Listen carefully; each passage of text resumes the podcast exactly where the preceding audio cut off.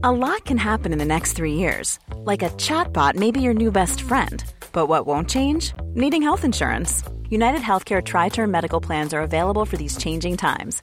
Underwritten by Golden Rule Insurance Company, they offer budget friendly, flexible coverage for people who are in between jobs or missed open enrollment. The plans last nearly three years in some states, with access to a nationwide network of doctors and hospitals. So, for whatever tomorrow brings, United Healthcare Tri Term Medical Plans may be for you. Learn more at uh1.com. Ryan Reynolds here from Mint Mobile. With the price of just about everything going up during inflation, we thought we'd bring our prices down. So to help us, we brought in a reverse auctioneer, which is apparently a thing. Mint Mobile unlimited premium wireless. Ready to get 30, 30, bit to get 30, bit to get 20, 20, 20, bit to get 20, 20, bit to get 15, 15, 15, 15 just 15 bucks a month. So, Give it a try at mintmobile.com slash switch. $45 up front for three months plus taxes and fees. Promo rate for new customers for limited time. Unlimited more than 40 gigabytes per month. Slows. Full terms at mintmobile.com.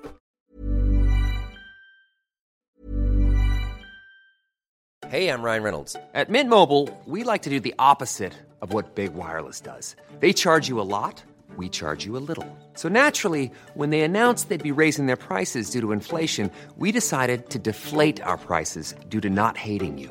That's right. We're cutting the price of Mint Unlimited from $30 a month to just $15 a month. Give it a try at mintmobile.com slash switch. $45 upfront for three months plus taxes and fees. Promo for new customers for limited time. Unlimited more than 40 gigabytes per month. Slows. Full terms at mintmobile.com.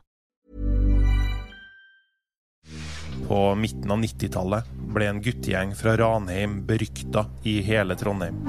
Seks gutter fra Ranheim har vært etterforska for en serie utspekulerte togrøverier. Så satt vi der og venta på toget i skråninga, så vi visste sånn cirka hvor tid toget kom. Det sklei sakte, men sikkert forbi, og det var jo et bra kick.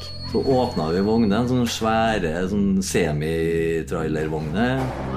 Mens toget venta på grønt lys, ble lastekonteinere letta for øl og bruskasser i en operasjon som ble utført med nærmest militær presisjon.